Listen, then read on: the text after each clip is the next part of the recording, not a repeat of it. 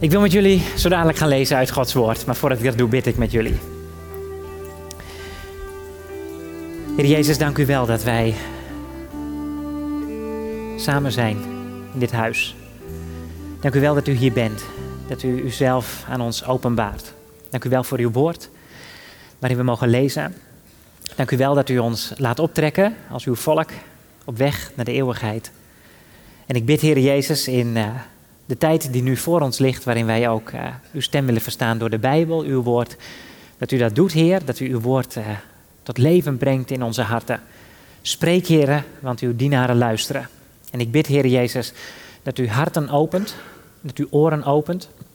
Heer, dat waar wij ons ook bevinden op dit moment in onze gedachten, we op u afgestemd zullen worden. Heer, vul ook mijn mond en leid ons door uw geest. Verheerlijk uzelf en kom tot uw doel. Uit genade. Amen.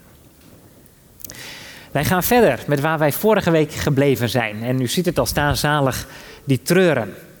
Voor de gasten, twee weken geleden zijn wij begonnen met de bergreden. De bergreden is het onderwijs van de Heer Jezus in de hoofdstukken 5 en 6 en 7 van het evangelie van Matthäus. En uh, de Heer Jezus is de berg opgegaan en hij heeft kenbaar gemaakt aan zijn volk, de schare, de massa die komt, dat willen ze hem kunnen kennen, ze discipel mogen worden van hem. De Heer Jezus heeft zijn leerlingen op het oog en hij wil hen gaan bijbrengen wat het woord van zijn koninkrijk is, wat ook de inhoud van zijn koninkrijk is. En daarmee heeft hij oog op de eeuwigheid, zoals het straks zal zijn, volmaakt. Er zal geen, geen smet meer zijn, er zal geen rouw meer zijn, er zal geen pijn meer zijn, het zal compleet zijn. Maar waarvan hij in ons leven ook zegt, ik wil dat naarmate de dag nadert, dat jij voor mij zult staan en gaat wonen in dat koninkrijk, jij in wie jij bent al meer en meer gaat lijken op een burger van dat koninkrijk. Je mag mij gaan leren kennen. Maar wil je mij kennen in jouw leven, dan zul je ook tot een keuze moeten zijn gekomen om mijn discipel te willen zijn. Want het volgen van mij gaat je wat kosten. Het gaat je leren in jouw leven dat je je leven mag gaan afstemmen op het karakter van Jezus Christus. In plaats van op je eigen oude karakter. En dat je wat je wilt gaan doen met de dag van vandaag en de keuzes die jij wilt gaan maken op alle fronten, dat je je mag gaan leren aanwennen, Heer Jezus, welke keuzes zou u hierin maken? En hoe mag ik u hierin volgen? En dat naarmate de dag vordert dat we zullen staan voor zijn aangezicht, we eigenlijk met Paulus, om maar een voorbeeld te noemen, in Romeinen hoofdstuk 8, vers 29 kunnen zeggen: Heer, u hebt mij geroepen om gelijkvormig te worden aan het beeld van uw Zoon, de Heer Jezus Christus. En Jezus werkt dat ook uit. Dat willen wij ook doen als gemeente van Jezus Christus, omdat wij geloven dat die dag aanstaande is. Omdat Jezus Christus heeft beloofd, ik kom terug. En wanneer die dag ook is, we doen er goed aan om ons leven te investeren in de eeuwigheid. Jezus heeft ook aangereikt, ik wil wel zitten op de troon van jouw leven. We hebben het net nog gezongen, Jannie ging ons voor. Als wij aanbidden, bouw uw troon. Kom Heer Jezus en neem uw plaats. Heeft u het meegezongen? Dat is wat wij uitgesproken hebben. Als ik aanbid, Heer Jezus, bouw uw troon. Kom en neem uw plaats. En we zijn gaan staan voor onze koning. En die koning kon gaan zitten op de troon van ons leven. En dan zegt Jezus, het gaat mij niet om een lied. Maar het gaat mij erom dat het lied dat je net zingt, dat het de bevestiging is van een leven. Van 24 uur per dag, 7 dagen per week. Dan, dan komen wij samen hier op zondagochtend en dan herinneren we er elkaar weer aan. Weet je nog, de Heer Jezus zat op de troon van je leven. En ik weet niet wat de afgelopen week jou heeft gebracht, maar ik zie momenten waarop ik zeg, Heer Jezus, ik moet voor u komen en zeggen, Heer, daar zat ik weer even op de verkeerde troon. Ik zat, ik zat er zelf weer. Heer Jezus, kom en neem uw plaats. Ik stap er weer af. Daar is aanbidding collectief, zo'n uur op zondagochtend voor, om ons eraan te herinneren, het gaat de Heer om, om een leven lang.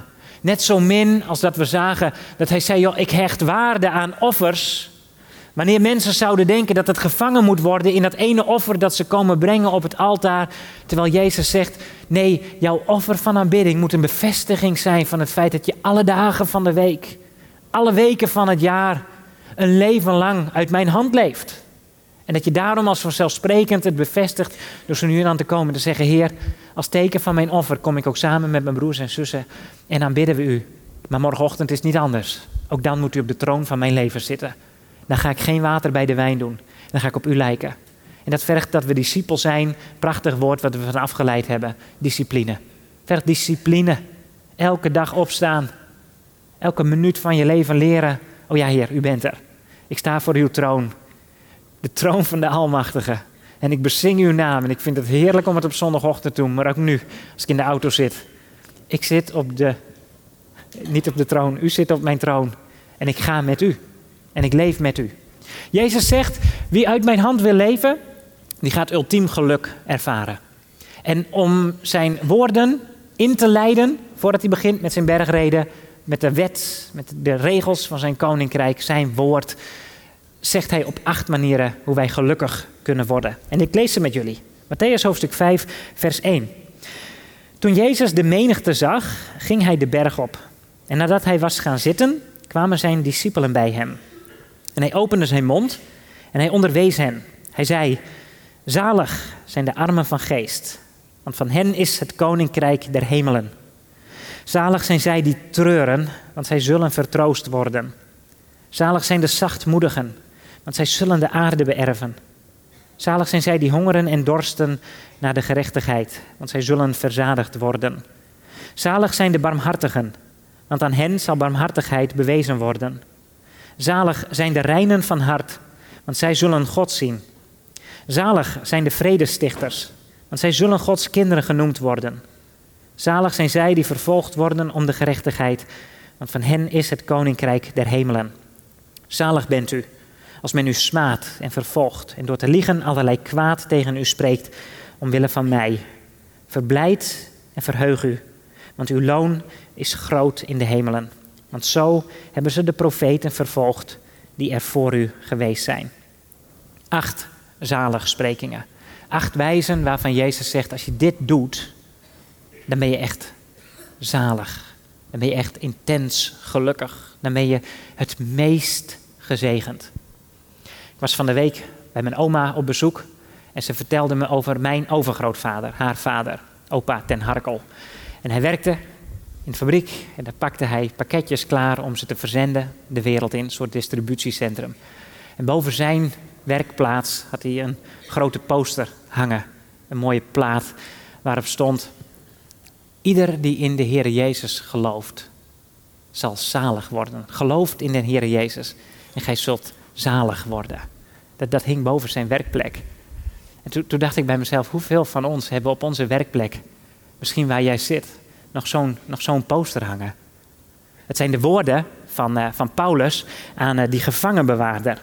Als hij roept, Paulus, wat moet ik doen? Omdat Paulus uit het blok is bevrijd door de Heer Jezus. Wat moet ik doen om gered te worden? Gelooft in den Heer Jezus Christus en gij zult zalig worden. Hing boven zijn bureau.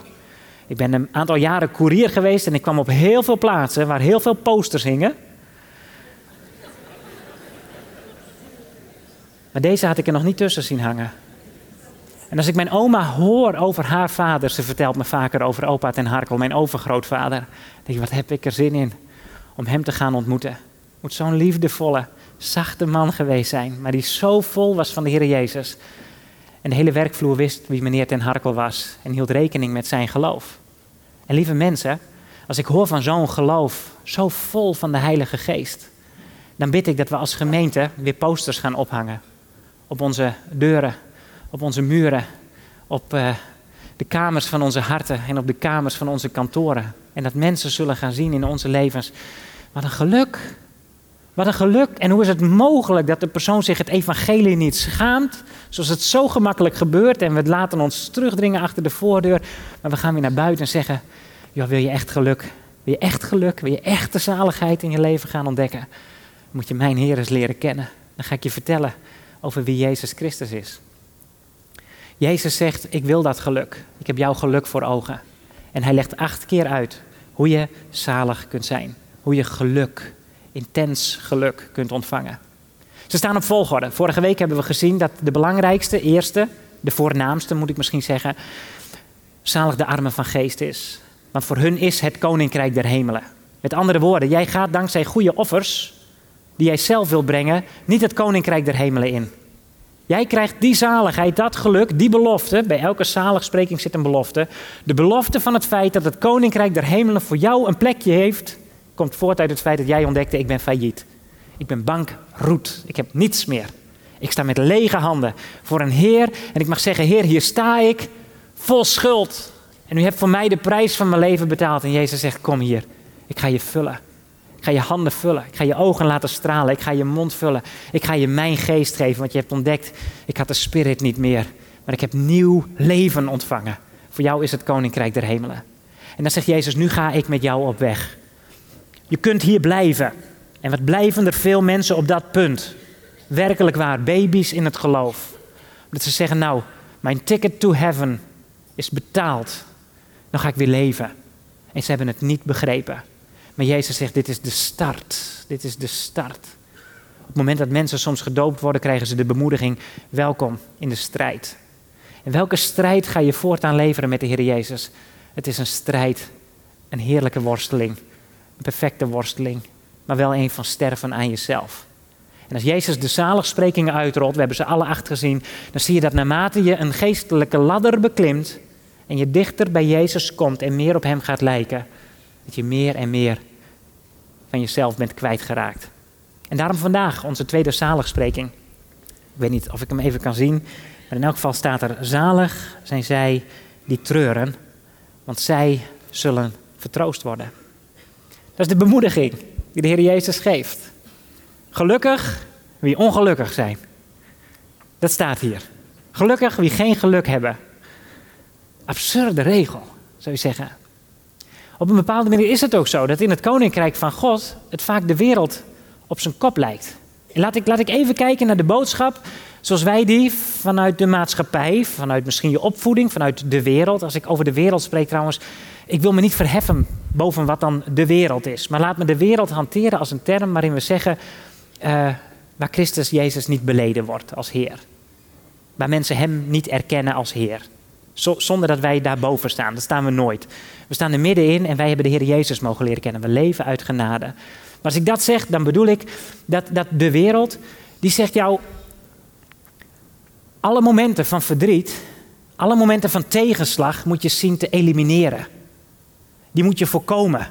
Je moet het geluk moet je grijpen. En het is aan jou. Je moet eruit halen wat erin zit. Je leeft maar één keer. En er zit bij, als het je lukt, dan moet je grijpen wat je grijpen kunt in dit leven. Juist omdat het allemaal zo betrekkelijk en zo kort is. En straks, dan ben je er niet meer en dan is het voorbij. Zoek daarom geluk. Word gelukkig. En Jezus die legt, die legt een ader bloot in, in zijn optreden, in zijn spreken, in zijn doen en laten. Door te wijzen op het feit dat je armzalig bent. Als je op die manier meent gelukkig te zijn. Wee u die blij bent met je gelach, het zal je, het zal je vergaan. Aan het lachen van de wereld komt een keer een einde. En heeft de Heer Jezus het over feesten, ten koste van alles, ten koste van iedereen. Niet kijken naar wat er in de wereld gebeurt, want dat is de slotsom wanneer je denkt dat je leeft om van het leven te genieten. En dit is het leven alleen, omdat je merkt, ik sta op mezelf. En straks val ik een keer om. En wat blijft er dan over van dat geluk waarover de wereld zei, daar moet je naar grijpen. En wat zou mijn boodschap zijn aan al die mensen die dat geluk nooit eens kennen, in geen enkele zin van het woord. Vaak omdat anderen het ze niet gunnen. Vaak omdat ze in omstandigheden zijn geboren waarin het geluk nooit hun deel zou kunnen zijn. Kunnen we daar dan een evangelie op leggen en zeggen: wees vooral wel blij en, en, en lach het maar weg? Jezus zegt nee, nee. Bij mij is de wereld op zijn kop. Ik zeg je niet gelukkig wie misschien werelds gezien op dit moment geluk heeft. Wie het goed lijkt te gaan. Maar gelukkig, gelukkig wie treuren. Dus dat is wat Jezus ons vandaag wil voorhouden. Jezus zegt, je bent pas echt zalig als je weet wat verdriet is. Als je kunt huilen, als je kunt janken. Als je verdriet kunt hebben, als je kunt treuren. Dan wil ik naar twee aspecten die de kerk kunnen nekken kijken wanneer we naar een, een boodschap als deze kijken, om te voorkomen dat we daarin zouden schieten. Ik wil niet dat jullie straks naar huis gaan en allemaal huilen. Dat we allemaal met een bedrukt gezicht naar huis gaan en zeggen: Ach, wee mij, ik ellendeling. Jazeker, Paulus zegt dat. Ik ellendig mens, wie zal mij verlossen? Maar ik weet van velen, en van sommigen ook hier, dat ze zijn opgegroeid in een setting waarin dat de boodschap werd. Beklaag jezelf. En wees ellendig. Want je weet nooit of het wel voor jou is. En ik zag mensen, ook in het dorp waar we woonden, gebukt gaan onder een, een bepaalde meelijwekkendheid en een treurnis over hun gelaat, waarmee eigenlijk een bepaalde vroomheid gezien moest worden. Van kijk maar eens hoe, hoe gebukt ik door het leven ga, maar, maar misschien mag het straks, als ik bij de Heer kom, van me afgenomen worden. En tot die tijd ga ik huilend door het leven.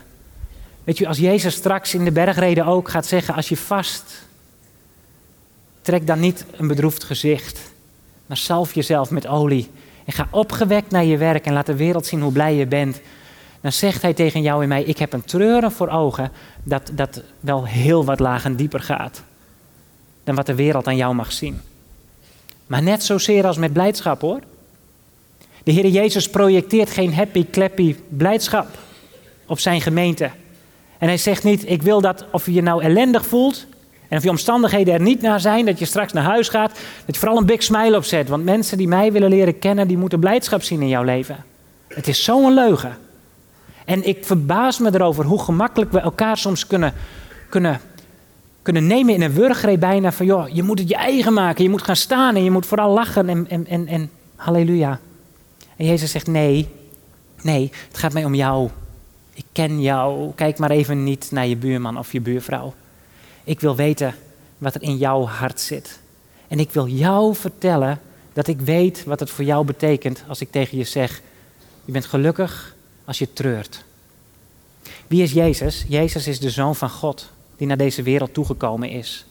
Hij is in alle opzichten aan jou en aan mij gelijk geworden. Hij heeft in alle opzichten met ons geleden. Hij heeft het met ons meegemaakt. En Jezus kent jouw blijdschap en Jezus kent jouw verdriet. Jezus ziet jouw schuld, Jezus ziet jouw schaamte. Jezus kijkt dwars door je heen en hij zegt, ik kom naar je toe. En hoe moeilijk wij het vaak vinden, letterlijk, en er is niets vreemds aan, om elkaar te verstaan of zelfs om onszelf te begrijpen. Als Jezus spreekt over het verdriet in jouw leven, dan zegt hij tegen jou, ik weet wat je bedoelt. En als enige kan hij zeggen: Ik weet wat je bedoelt. In alle opzichten. Want er is geen verdriet in jouw leven dat hij niet heeft gedragen.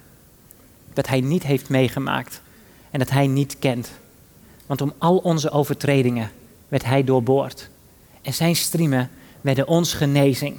Hij heeft het aanvaard, hij heeft het op zich genomen. En daarom is hij de enige die vandaag tegen jou kan zeggen: Kom maar bij mij. Je hoeft straks niet huilend naar huis te gaan als je geen zin hebt om te huilen. Je hoeft ook niet lachend naar huis te gaan als jij geen zin hebt om te lachen. Ik wil dat je bent wie je bent, omdat ik ben wie ik ben. En ik wil dat je met mij leert treuren. Want ik breng je daar naartoe. Maar we zijn hier begonnen. We waren arm van geest, we waren failliet. Ik wil gaan bouwen in je leven. Dan is de volgende stap dat ik je wil brengen tot het echte treuren. Ik noem het feit dat Jezus ons treuren herkent en erkent, omdat ik geloof dat er een diepe boodschap van troost in zit. Voor elk mens die Hem wil kennen. En toch geloof ik dat zelfs als Jezus nu tegen jou en mij zegt: Zalig wie treuren, want zij zullen getroost worden. Hij nog meer bedoelt dan alleen: Ik kan met je meevoelen en straks komt alles goed als ik terugkom. Of ik begin vandaag al met goed te maken wat je nog niet had. Want het lijden en het verdriet dat ik beschrijf zojuist is eigenlijk precies hetzelfde lijden en het verdriet als wat misschien je buren of je collega's of je kinderen kennen, terwijl ze de Heer Jezus Christus nog niet kennen. Ziet u, wij treuren op veel manieren op dezelfde manier zoals de wereld treurt. En toch zegt Jezus aan ons iets anders vandaag dan wat hij aan de wereld in eerste instantie aanreikt wanneer ze hem nog niet kent. Want zijn zaligheid, die gaat pas komen op het moment dat je ontdekt hebt, ik ben arm van geest. Daar bouw ik op. En nu zegt Jezus tegen jou en mij: Ja, ik zie jou in jouw verdriet. Ik ken jou in al die omstandigheden. Maar omdat ik juist die hele wereld op het oog heb en ik jou in staat wil gaan stellen om echt getroost te worden, wil ik met je nog een steek dieper gaan. En tot het echte treuren komen. En Jezus is het die ons aanreikt, leer, leer om te huilen. Leer om gebroken te zijn. Want als je dat doet, dan ga jij ontdekken wat het betekent om getroost te worden. Ik ga je mijn troost kunnen schenken. Salomo schrijft in Prediker 7, vers 2: Het is beter om in een huis van rouwbeklag te zijn dan in een huis van feestgelach. Eigenlijk waar ik het al over had. Het is beter om in een huis van rouw te zijn dan in een huis van feest. Want het huis van rouw, zegt Salomo dan, dat is het einde voor iedereen. Je weet per definitie in dit leven, er komt een dag dat je sterft. En dan kun je feest op feest op feest op feest gehad hebben. Weekend op weekend op weekend op weekend. En geluisterd hebben naar de stem van de wereld die zei: Nee, niet aan denken. Nee joh, niet aan denken. Weg, weg ermee, kop in het zand. Vier een feestje, want je leeft vandaag en je leeft maar één keer. Maar Salomo zegt: Uiteindelijk zit je allemaal in dat huis.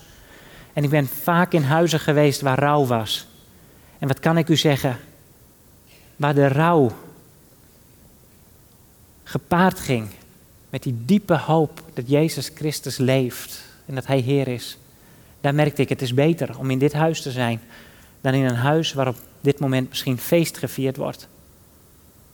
Omdat je ontdekt in een huis van rouw kun je niet meer om de levensvragen heen.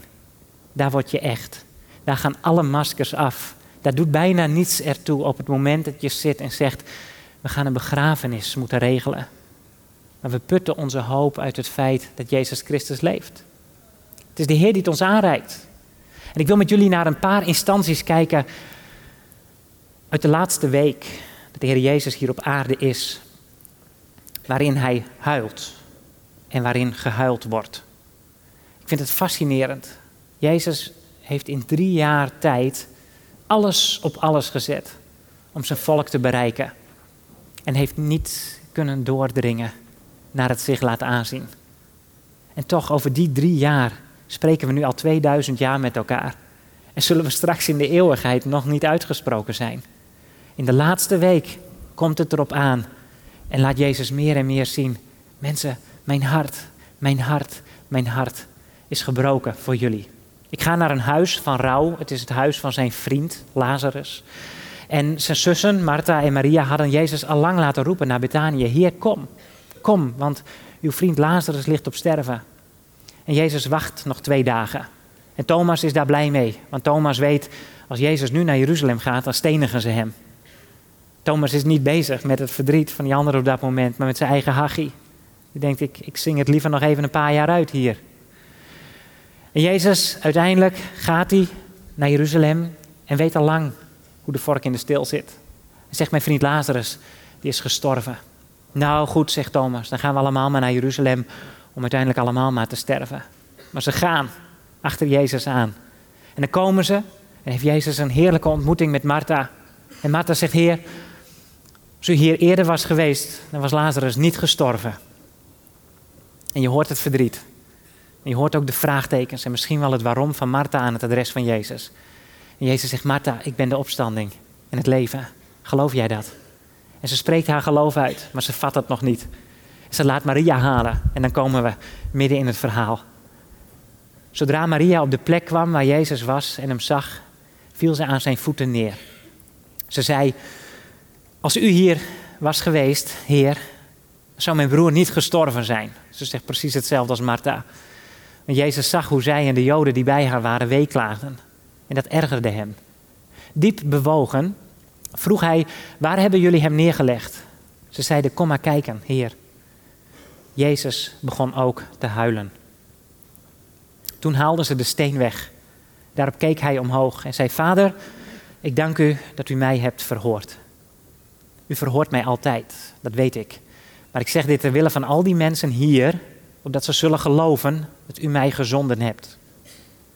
Daarna riep hij: Lazarus, kom naar buiten.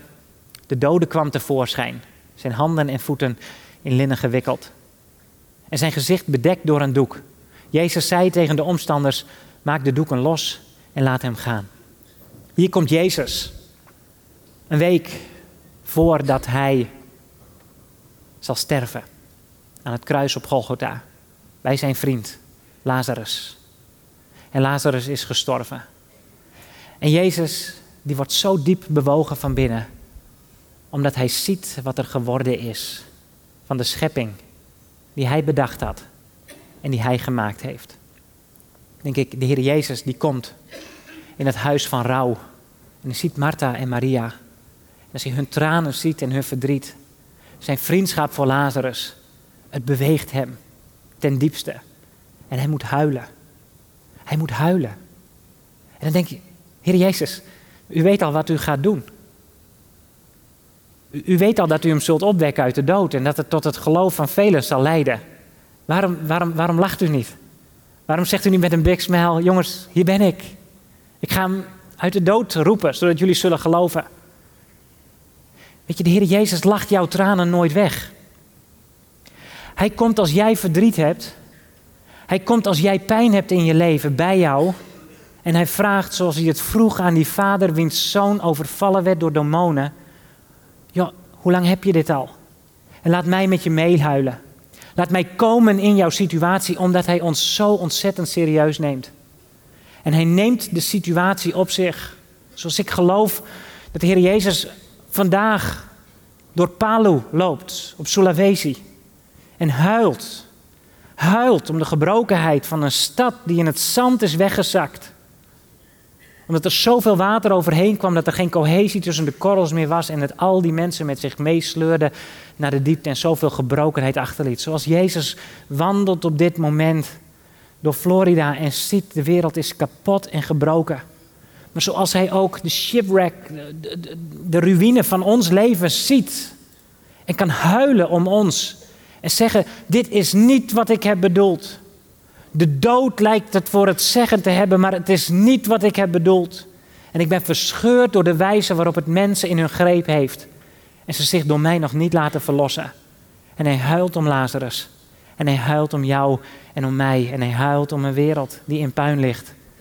En hij roept ons: Kom naar buiten. Kom alsjeblieft naar buiten. En ga leven. Jezus is bewogen om anderen. Hij huilt niet om zichzelf. Hij huilt voor jou. Hij huilt voor de wereld. En hij wil die wereld waarover ik sprak zo graag laten weten. Ik ben er. Ik kan herscheppen wat kapot is gegaan. Nederland, je bouwt je huis op zand. En je zit ver onder Nieuw Amsterdam Spijl. Weten wij wat het betekent als de golven, niet alleen letterlijk, maar ook geestelijk over Nederland zullen komen? Nederland, kom naar buiten en word wakker. En Jezus huilt. Jezus huilt om ons, om zijn land, om zijn volk, om de wereld. Als Jezus naar Jeruzalem gaat, een tweede instantie, dan komt hij nadat Lazarus is opgewekt en hem is toegezongen, Hosanna, Hosanna. De koning komt, komt hij over de olijfberg. Prachtig, als je er geweest bent en dan zie je op Jeruzalem de stad van David. Je ziet hem liggen. En Jezus staat daar op die berg. Toen hij Jeruzalem voor zich zag liggen, begon hij te huilen over het lot van de stad. Hij zei, had ook jij op deze dag maar geweten wat vrede kan brengen. Maar dat blijft voor je verborgen, ook nu. Er zal een tijd komen dat je vijanden belegeringswerken tegen je oprichten. Je omsingelen en je van alle kanten insluiten. Ze zullen je met de grond gelijk maken en je kinderen verdelgen. En ze zullen geen steen op de andere laten, omdat je de tijd van Gods ontferming niet hebt herkend. Als Jezus doorgaat en hij huilt, nadat hij gehuild heeft om het verloren zijn van de mensheid en de dood in het leven van Lazarus, dan kijkt hij naar Jeruzalem. Jeruzalem, Jeruzalem, dat de profeten dood en stenigd wie naar u toegezonden zijn. Hoe vaak heb ik jullie niet willen vergaren als, als een hen haar kuikens onder haar vleugels. Maar je hebt het niet gewild. Lieve mensen, de Heer Jezus kijkt naar de zonde van de wereld. En zonde is dat ze hem niet aanvaarden als verlosser, als zoon van God. En Jezus zegt, erken je mij niet als jouw Heer en Verlosser? En ken jij het verdriet in jouw leven niet dat je gebroken bent omdat je wist Als ik niet arm van geest was geworden, dan was ik verloren. Dan had ik Jezus offer voor mijn leven niet kunnen ontvangen. Dan zegt Jezus, dan gaat die ontferming aan je voorbij. En hij kijkt naar Jeruzalem. En het duurt geen veertig jaar nadat Jezus is gekruisigd. En geen steen blijft op de ander. En Jeruzalem wordt vernietigd. En de Heer kijkt naar de zonde in de harten, ook van zijn volk. En hij zegt, kijk naar mij. Kijk naar mij. Als jij onderdeel bent geworden van mijn koninkrijk, dat koninkrijk der hemelen, dan wil ik je zeggen, leer om te treuren over de verbrokenheid, ook in jouw hart. Waarom? Om de reden dat ik voor jou aan het kruis hing. En ik wil dat je het niet goedkoop aanvaardt. Het is altijd een gevaar. Goedkoop over genade denken en licht over zonde. Terwijl Jezus zegt, weet jij wat die zonde mij gekost heeft? Weet jij wat jouw zonde woog? En weet je hoezeer ik jou vandaag in staat wil stellen om je te kunnen troosten als je ook verdriet bent gaan ervaren over het feit dat ik dit voor jou deed. Voor jou omdat ik zoveel van je hou. Laatste voorbeeld van Petrus. Petrus, een man die we zien huilen. Ze grepen hem, Jezus, vast en voerden hem weg. En ze brachten hem naar het huis van de hoge priester. Petrus volgde hen op een afstand. Ze staken een vuur aan midden op de binnenplaats en gingen eromheen zitten. Petrus voegde zich bij hen. Een dienstmeisje zag hem bij het vuur zitten, keek hem strak aan en zei: Die man hoorde er ook bij. Maar hij ontkende het. Ken hem niet eens. Even later merkte een ander hem op en zei: Jij bent ook een van hen. Maar Petrus zei: Wel nee, man, helemaal niet. En ongeveer een uur later zei nog iemand met grote stelligheid: Ja, zeker, die man was ook in zijn gezelschap. Hij komt immers ook uit Galilea. Maar Petrus zei: Ik weet niet waar je het over hebt. Op datzelfde moment, terwijl hij nog sprak, kraaide er een haan. De Heer draaide zich om en keek Petrus aan. En toen herinnerde Petrus zich de woorden van de Heer. Nog voor hij vannacht een haan heeft gekraaid, zul je mij driemaal verloochenen. Hij ging naar buiten en hij huilde bitter. Petrus. Petrus huilde bitter. Petrus, de man die zei: Heer, ik ga met u door dik en dun. U mag alles van mij weten. Maar een Heer die dwars door jou en mij heen kijkt en zegt: Maar ik weet wanneer je afgehaakt bent. En ik weet waar je hart is. En ik ken je. En dan een Heer die op het moment dat Petrus zei: Ik ken hem niet. Ik ontken het. Ik wil niets met hem te maken hebben. Een Heer ontdekt die dan niet zegt: Oké, Petrus, dan draai ik mijn hoofd ook van jou af. En dan zijn we van elkaar af. Maar om een Heer te zien die zich omdraait en die Petrus in de ogen kijkt. En zegt: Petrus, ik wist dit al. Ik wist dit al. Daarom heb ik het je gezegd. Maar ik hou van je. En Petrus kan bitter huilen. Petrus kan bitter huilen. Lieve mensen, ik kan het u niet geven. Maar wat ben ik blij met tranen in mijn leven die ik heb mogen laten vloeien vanwege zonde die ik kende en die ik ken. Waarvan ik wist elke keer als ik vroeger naar mijn ouders ging en ik kwam en ik was bang voor hun reactie, omdat ik iets vreesde wat ik niet hoefde te vrezen. Ik troost ontving. Wat kan het heerlijk zijn om een potje te huilen over wat er mis is gegaan in je leven. Want als je dan bij Jezus komt, dan zegt hij: Ik draai me naar je toe. En ik wist het al. Ik wist het al. En ik hou van je. En ik kan je troosten. Want waar ik mee begon voor de dienst, onze zonden zijn vergeven. Ik heb de prijs voor je leven betaald. En lieve mensen, wij hoeven onze harten vandaag niet bloot te leggen.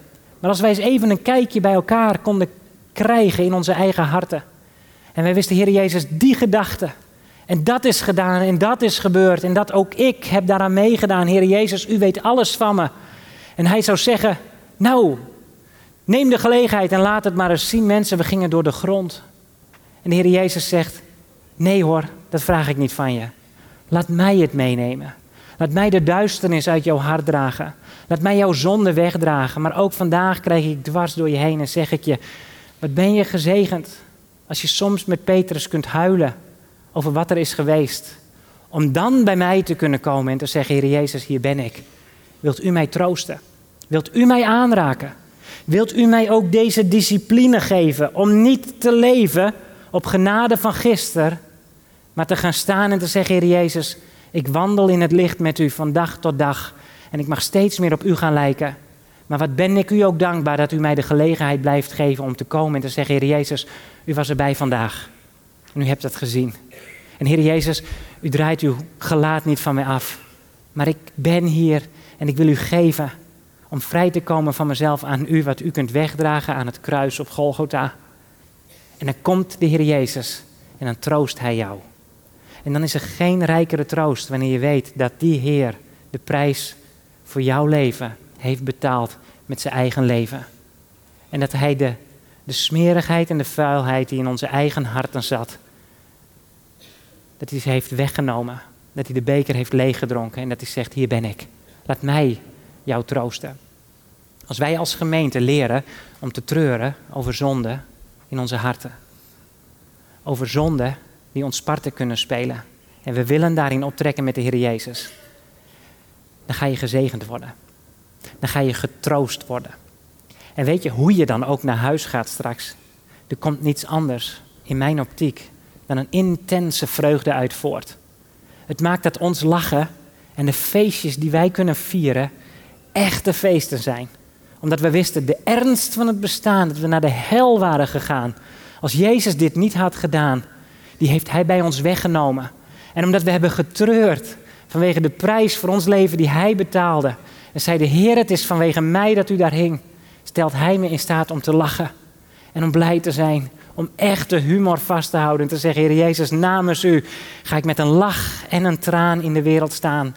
Huil ik met wie huilen en lach ik met wie lachen en zeg ik, alles is voor Jezus. Zo wil de Heer Jezus dat wij zijn troost gaan uitdelen. En dat we bekendmaken mensen in de wereld. Als je in de Heer Jezus Christus gelooft, dan zul je zalig worden. Zodat onze levens posters worden. En dat ze mogen hangen op de deuren van onze kamers en woningen en kantoren en waar we maar komen. En mensen zullen zien, wat heb jij dat ik niet heb? Ik ging vrijdagavond liggen. Ik zei, Heer, hoe moet ik, hoe moet ik het duidelijk maken? Soms denk ik, waarom vraag ik dat niet eerder? ik vraag het wel eerder, maar ik zat nog te zoeken naar een weg waarvan ik denk, hoe mag, hoe mag dit misschien ook ja, blijven plakken voor een tijdje? En ik moest denken aan, aan een, een lied. Heer, raak mijn hart aan. Maak het bereid. Uw pijn te voelen om er lijdt. Uw tranen te huilen om bewogen te zijn. O kom, raak mijn hart aan, Heer. Maak het bereid. Het is opwekkingslied 471. En ik uh, wil het graag met jullie zingen.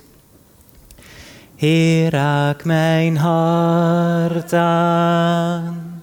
Maak mij bereid. Uw pijn te voelen om wie er lijdt, uw tranen te huilen, bewogen te zijn. O kom, raak mijn hart aan, Heer, maak mij bereid. Nog een keer. Heer, raak mijn hart aan, maak mij bereid, uw pijn te voelen,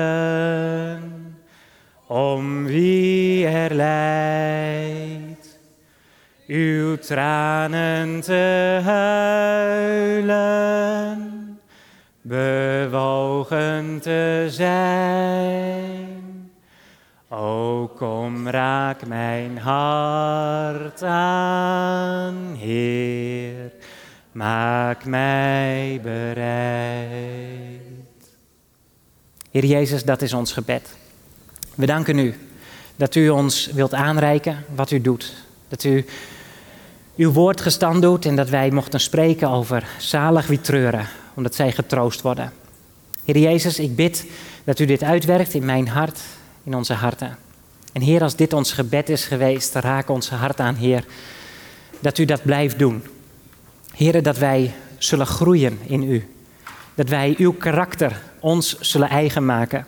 Dat u ons uw karakter zult eigen maken. Heer, leg het op uw gemeente. En Heer Jezus, waar zoveel verdriet en zoveel troost nodig is. Heer Jezus, geef dat wij daar gaan om uit te delen vanuit die troost die u ons aanreikt.